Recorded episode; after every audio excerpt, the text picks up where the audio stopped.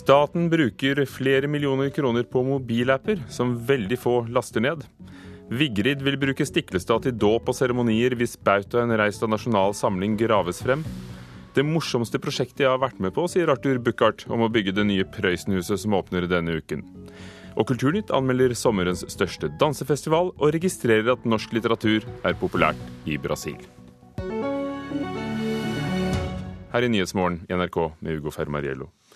Norske departementer og direktorater har i løpet av de siste årene brukt eh, mye penger, flere millioner kroner, på å utvikle over 25 programmer til mobiltelefoner, apper.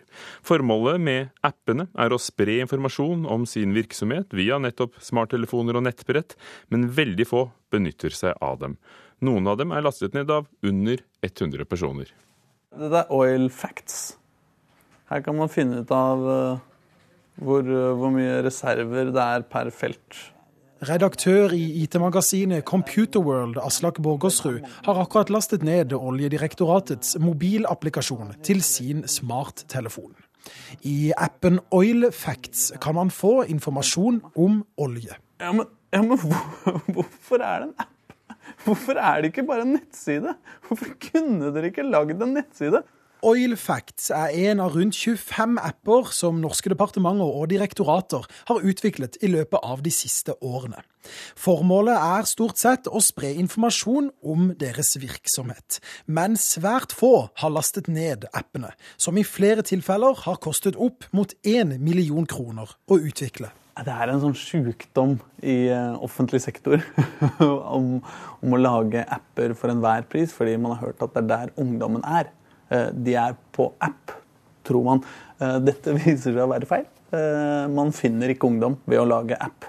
Borgersrud mener offentlig sektor heller bør fokusere på å lage gode, enkle og informative nettsider.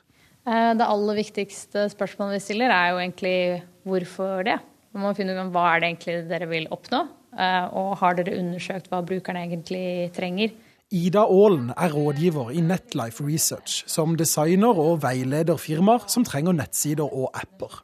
Hun er enig i Borgersruds påstand, og mener en app er smør på flesk. Smør som koster mer enn det smaker. Det er nok relativt sjelden at det er en app som er løsningen, for det er såpass dyrt å lage og vedlikeholde over tid at ofte så vil det nok være bedre for disse å forbedre, særlig offentlig sektor, forbedre nettsidene sine, slik at hvis folk på en måte bare søker på nett, så finner de svaret der, istedenfor at de må installere et program på telefonen sin for å få svarene. Statssekretær i Kommunal- og moderniseringsdepartementet Jardar Jensen innrømmer at offentlig sektors digitale strategi ikke har vært god nok. Vi er ikke så gode som vi burde være. Derfor er det også nedsatt et eget statssekretærutvalg for IKT med hovedmål eh, å koordinere og samordne IKT i offentlig sektor. Han innrømmer også flere mislykkede forsøk på utvikling av apper. Det er klart at Vi har satt i gang en del eh, apper i offentlig sektor som piloter og eksperimenter. og det, Vi må bare innrømme at resultatet av de har ikke vært like vellykket eh, hver gang. og Derfor tar vi også tak i det nå, for å gjøre arbeidet vårt bedre på det området. Noen av appene som er laget, er lastet ned av under 100 personer. Hvis store direktorater bruker millioner av kroner på en app som ender opp med at 30 folk tar den i bruk, og eh, to mennesker faktisk liker den, da mener jeg da har man kasta penger ut av vinduet og brukt opp tid og krefter som kunne vært brukt mer fornuftig.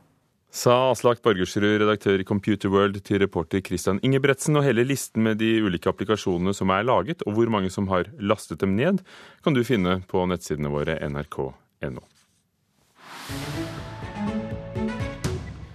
Et norsk Se og Hør-notat trekkes inn i etterforskningen av den danske utgaven av ukebladet, skriver Dagens Næringsliv.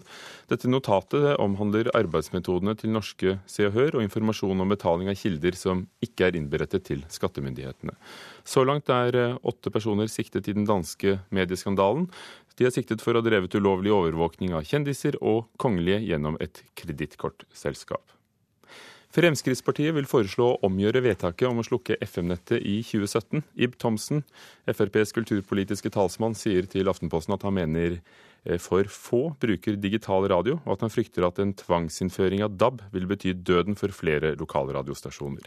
Tidligere er det bestemt at halvparten av oss må lytte digitalt innen utgangen av 2014 for å slukking i 2017. Fortidsminneforeningen vil vurdere på nytt om den såkalte nazibautaen på Stiklestad skal bli gravd frem. Den ni meter lange bautaen ble reist av Nasjonal Samling i 1944, men har ligget begravd siden krigen.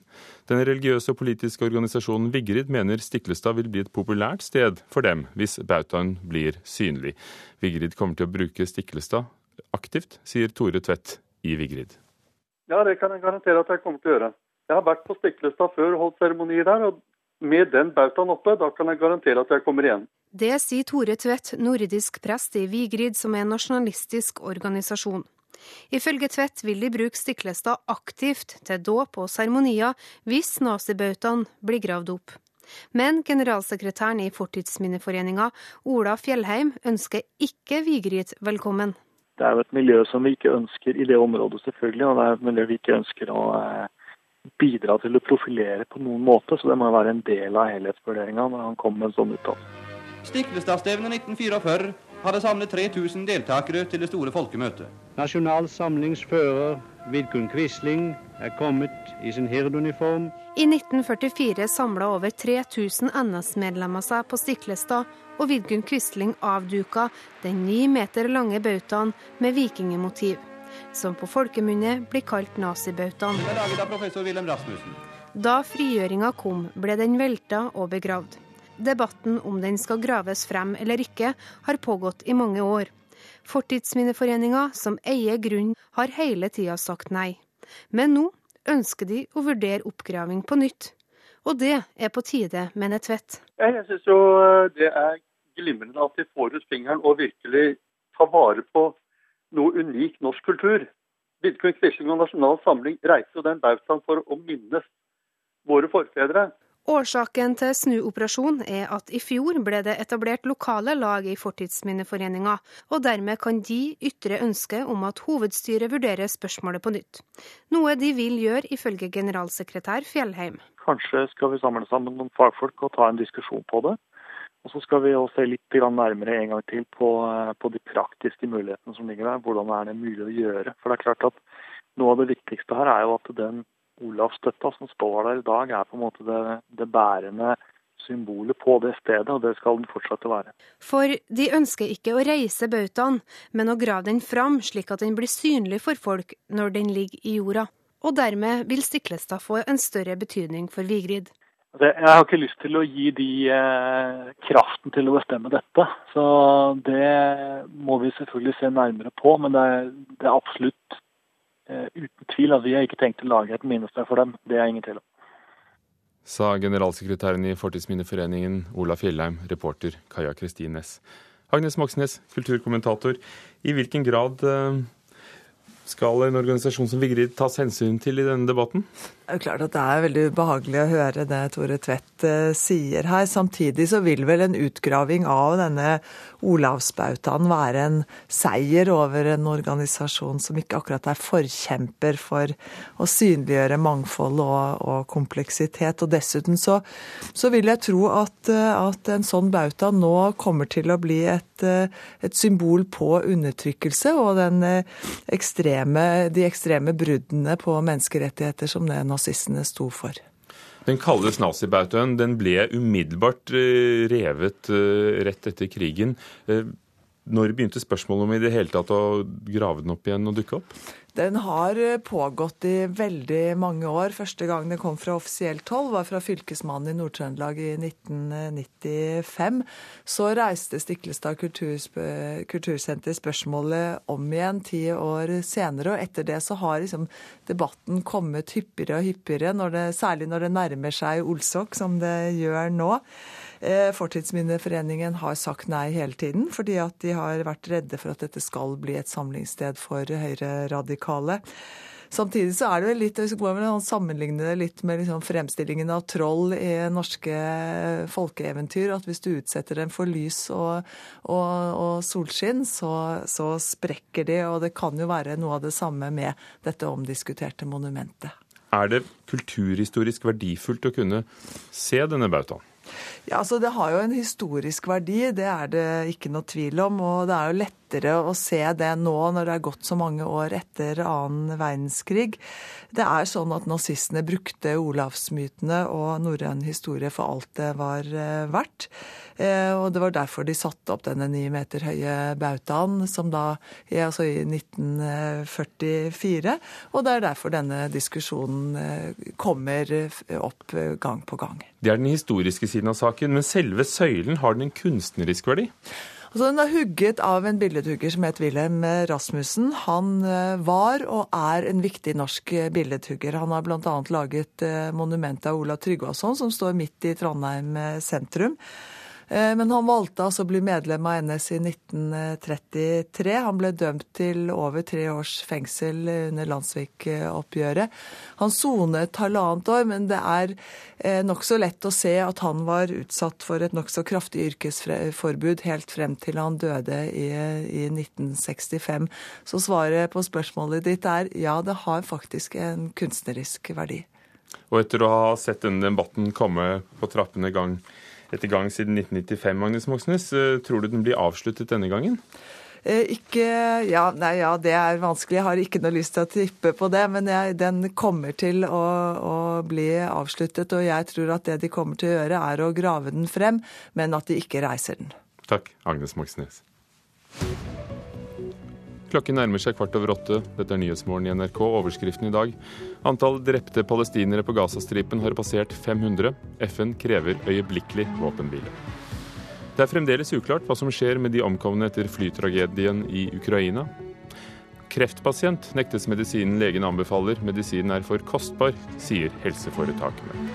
Og senere i Kulturnytt møter vi kvinnen som gir norsk litteratur til brasilianere. Når Prøysenhuset åpner denne uken, rett bak den gamle Prøysenstua på Rudshøgda i Hedmark, er det en gave fra hotellinvestor Arthur Buchardt. Han overrekker gaven til Ringsaker kommune på onsdag. Det er Prøysens 100-årsdag, og da skal de siste arbeidene være ferdig. Huset er tegnet av Snøhetta og har kostet 35 millioner kroner. Arthur Buchardt, er det blitt slik du trodde? Ja, det er blitt slik jeg trodde. Og det takket være Kjetil Thorsen og Snøhetta, så har dette blitt eh, et nytt og moderne og blir et innholdsrikt hus, men ligger beskjeden tilbaketrukket inne i skauen. Og man skimter Prøysenstua.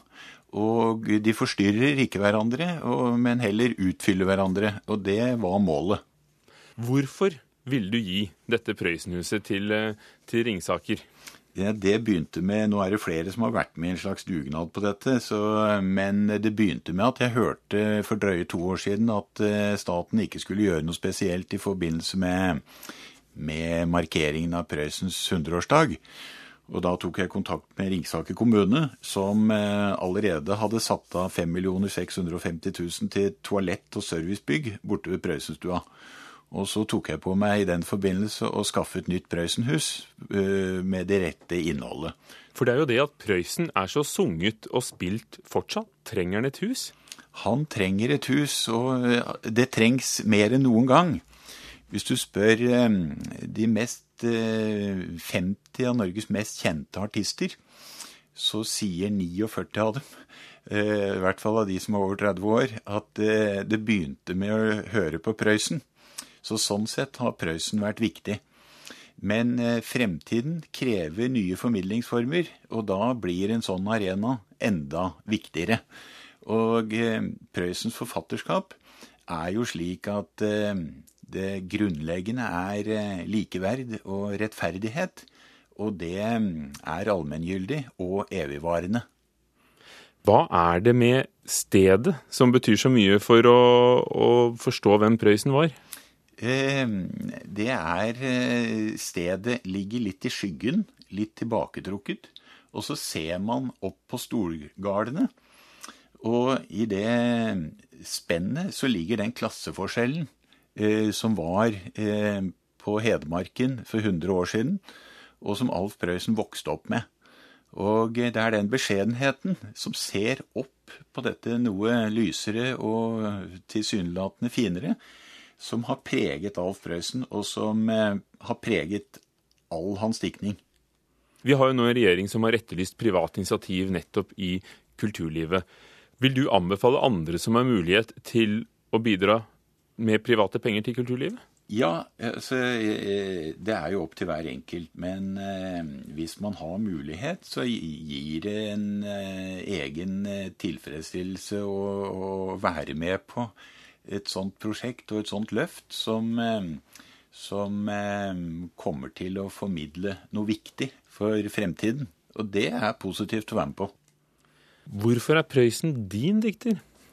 Nei, Det er fordi jeg har vokst opp i, med Barnetimen for den minste. Og enkle, gode melodier og innhold. Og så har jeg bodd 28 år i Brumunddal og på Hedmarken. Og kjenner mange av Prøysens venner.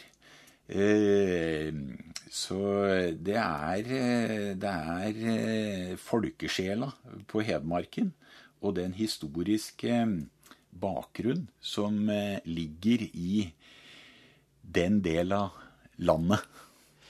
Hva er forklaringen på at det har gått så smertefritt? Ja, det er mange gode krefter. Og så har vi bygd litt før, mange av oss sammen. Jens Stoltenberg la ned grunnstenen i fjor, 23.07.2013 klokka 13.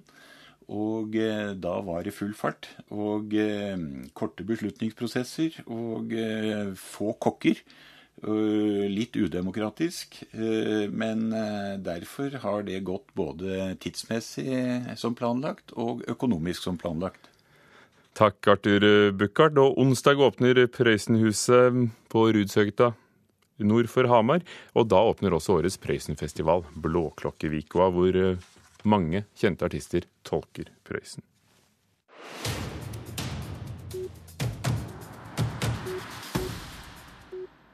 Denne helgen åpnet eh, dansefestivalen Ravnedans i Kristiansand. Det er en festival for samtidsdans som arrangeres for femte gang. Forestillingen Juryen var åpningsforestilling. Hun ene kommer inn. Hun andre kommer inn. De har på seg trange, sorte drakter. De har store pupper og er kjempepene. Hun ene hører en lyd og snur seg. Den andre sniker seg innpå.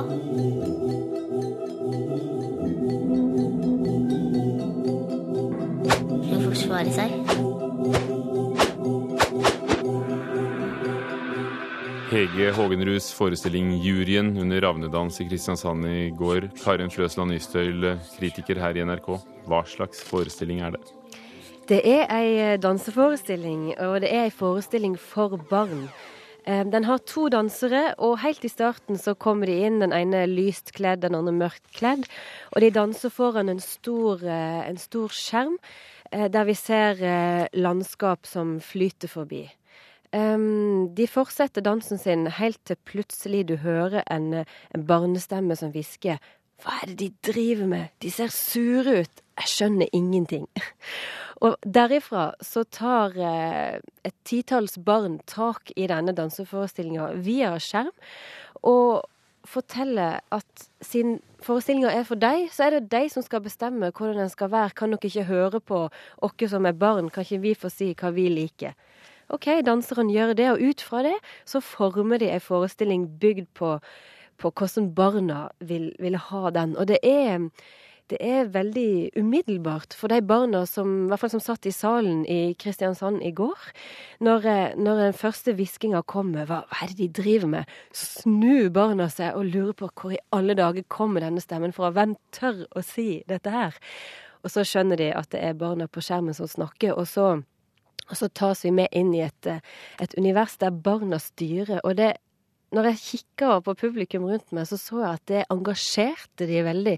De kjente seg igjen i, i alle forslagene som kom fra barna. Det, det, er veldig interessant å se hva det kan bli når barna sjøl får bestemme. For de får faktisk være med å bestemme? De bestemmer alt. Ikke barna i salen, men de barna som er, er på videoen. Og dette er jo spilt inn på forhånd og øvd inn på forhånd, men det er likevel um, noe så typisk over det. Det er barna som styrer det, og, og, og de tar det òg helt ut. Eh, barna får det akkurat som de vil. Den sekvensen vi hørte nå, det var en, en slags sånn superheltsekvens der en gruppe gutter fikk bestemme, og da skulle det være blod og tøft og litt kamp og laser. Masse, masse laser.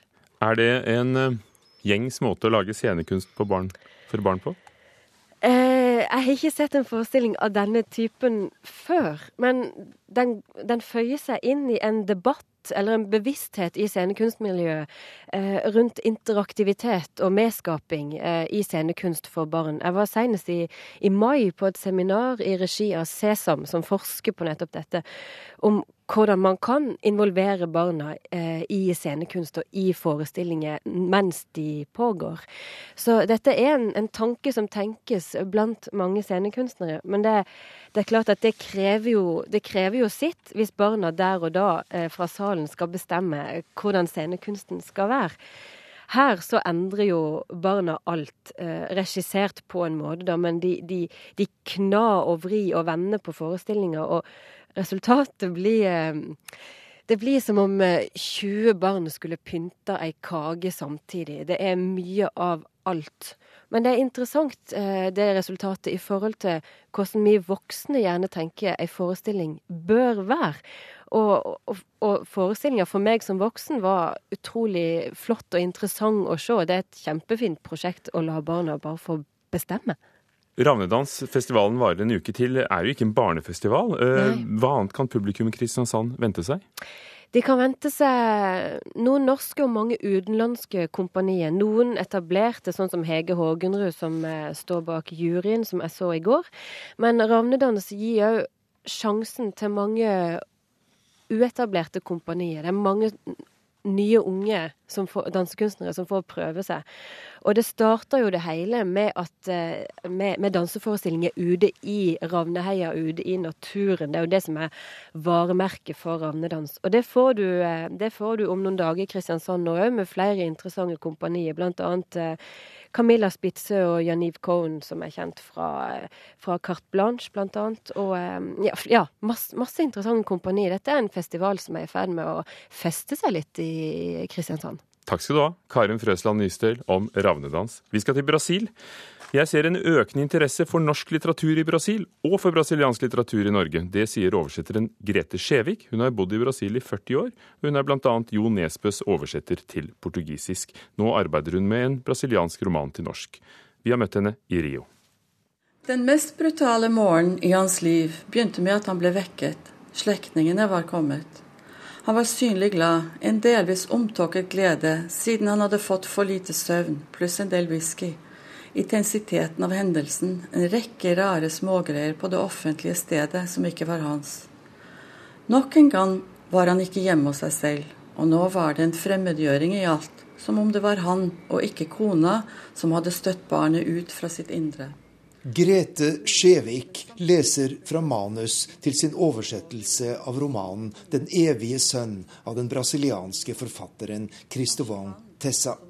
Boken som snart kommer på det norske markedet, handler om en forfatter som får et barn med Downs syndrom, og som opplever en dyp livskrise der han forbanner sin skjebne.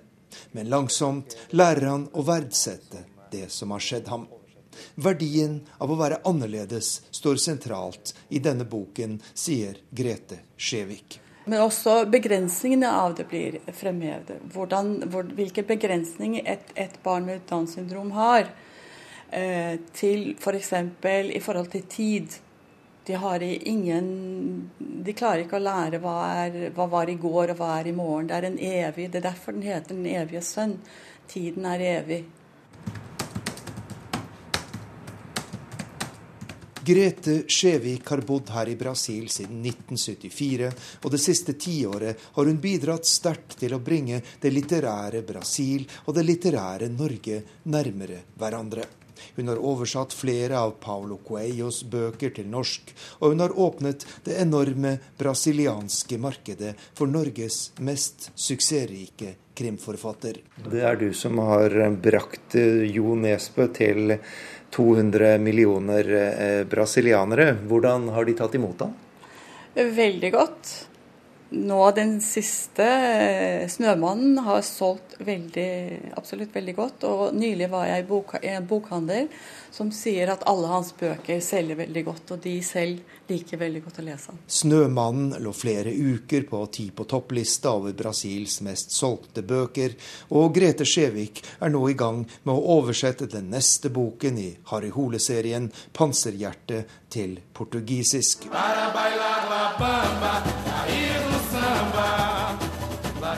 Karneval, fotball og samba det er tre kjente klisjeer som preger nordmenns forhold til brasiliansk kultur. Grete Skjevik håper at den store interessen for Brasil som ble skapt gjennom fotball-VM, også kan være en døråpner til andre kulturformer i dette folkerike og mangfoldige landet. Som oversetter opplever jeg at Brasil og Norge ikke er så forskjellige som den geografiske avstanden skulle tilsi. Mange ting er selvfølgelig forskjellige når det gjelder kontrasten, den sosiale kontrasten. Den er, den er enorm i Brasil, og er, det er vel den største forskjellen, vil jeg si. Men det er jo et vestens land. Eh, et land som er eh, med vestlig kultur. Så der er vi også like. Sa Grete Skjevik, oversetter mellom brasiliansk og norsk, til vår reporter i Rio de Janeiro, Arnt Stefansen. I Kulturnytt i dag har vi hørt at departementer og direktorater bruker mye penger på å lage programmer til mobiltelefoner og nettbrett. De har laget over 25 apper. Veldig få bruker dem, noen er lastet ned av under 100 personer. Vi har også hørt om debatten om å reise den såkalte nazibautaen på Stiklestad. Vigrid sier at de kommer til å bruke den til seremonier, mens Fortidsminneforeningen sier at de ikke vil ta hensyn til slike organisasjoner, men at det har en verdi å kunne se den. Frode Thorshaug, teknisk ansvarlig. Thomas Alverstein Ove, produsent, og Ugo Fermariello, programleder for Kulturnytt i Nyhetsmorgen.